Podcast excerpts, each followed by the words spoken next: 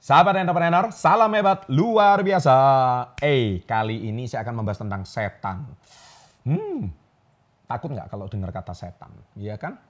Tapi sadar nggak, setan yang harus kita takuti itu bukan setan di luar kita, bukan setan di kuburan, bukan setan di rumah hantu, bukan setan di eh, tempat-tempat uh, gelap. Bukan itu. Setan yang paling berbahaya itu setan di dalam diri kita. Wih, hah, benarkah setan ada di dalam diri kita? Yes ada enam jenis setan yang tidak Anda sadari ada di dalam dirimu.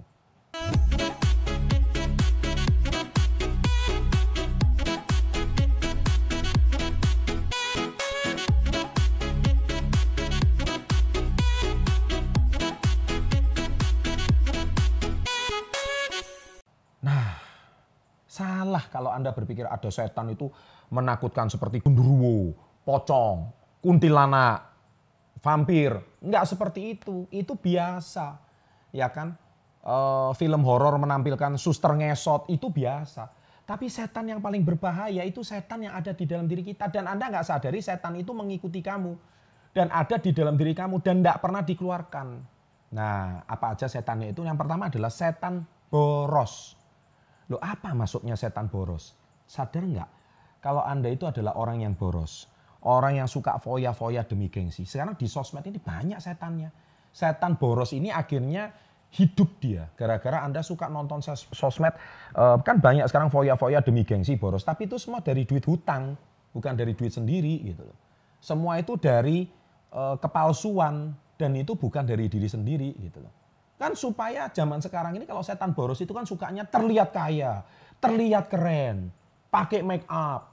Waktu dibuka aslinya hmm amit-amit jabang bayi. Iya kan? Jadi banyak zaman sekarang itu setan boros itu paling suka dengan hal-hal seperti itu gitu.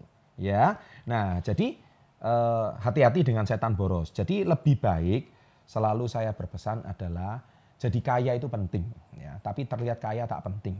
Tapi kalau Anda hari ini mau terlihat kaya karena uang sendiri dan menikmati itu sah-sah aja.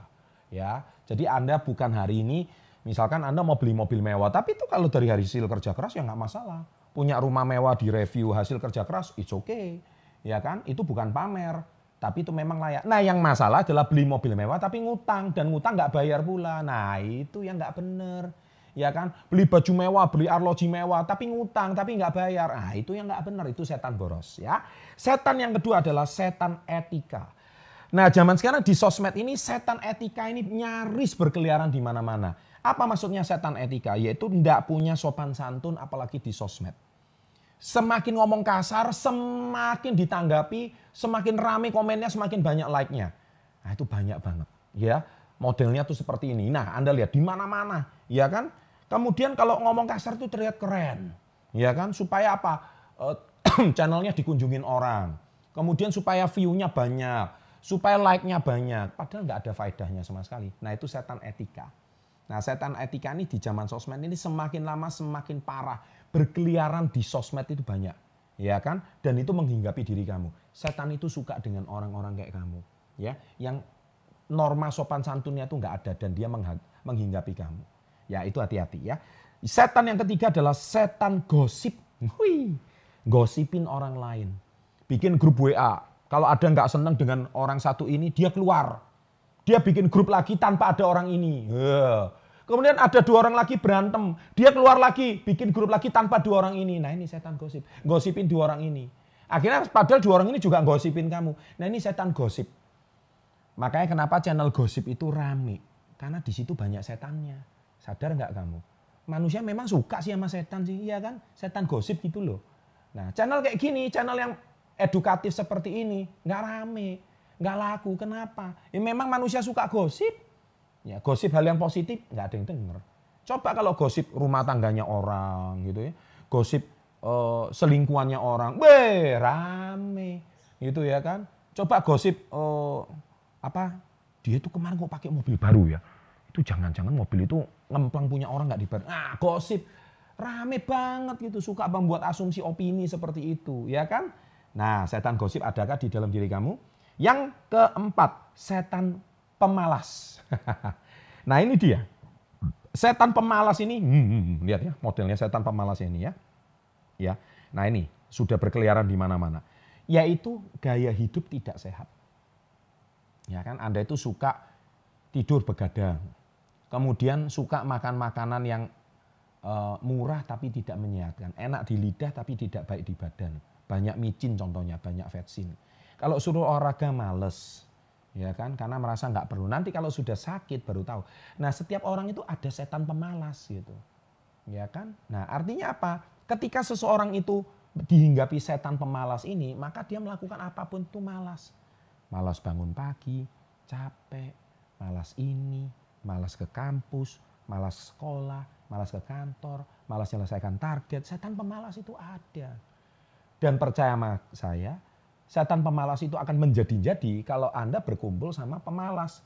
Pemalas itu kan mana mungkin bicara target, bicara goal masa depan, nggak ada. Yang penting ada hari ini habis hari ini, duit hari ini habis hari ini, besok urusan besok. Nah itu sering kali setan pemalas seperti itu. Mana dia memikirkan tabungan untuk lima tahun ke depan, 10 tahun ke depan. Setan pemalas itu ada aja alasannya. Ya kan? Nah, nah sering kali setan pemalas ini seolah-olah jadi malaikat gitu loh. Dia ngomong uang nggak dibawa mati. Wih, Kesannya kata-katanya bijak banget, padahal ngomong itu setan pemalas. Gitu loh. Akhirnya Anda nggak mau cari nafkah. Ya kan kelihatannya kata-katanya so agamais. Uang nggak dibawa mati. Padahal itu dalih bagi dia untuk mengusir rasa malasnya dia. Gitu. Ya itu nggak benar gitu ya. Nah yang kelima, setan sensitif. Sekarang kan banyak orang yang baper nih. Ya kan dikit-dikit baper, setan sensitif.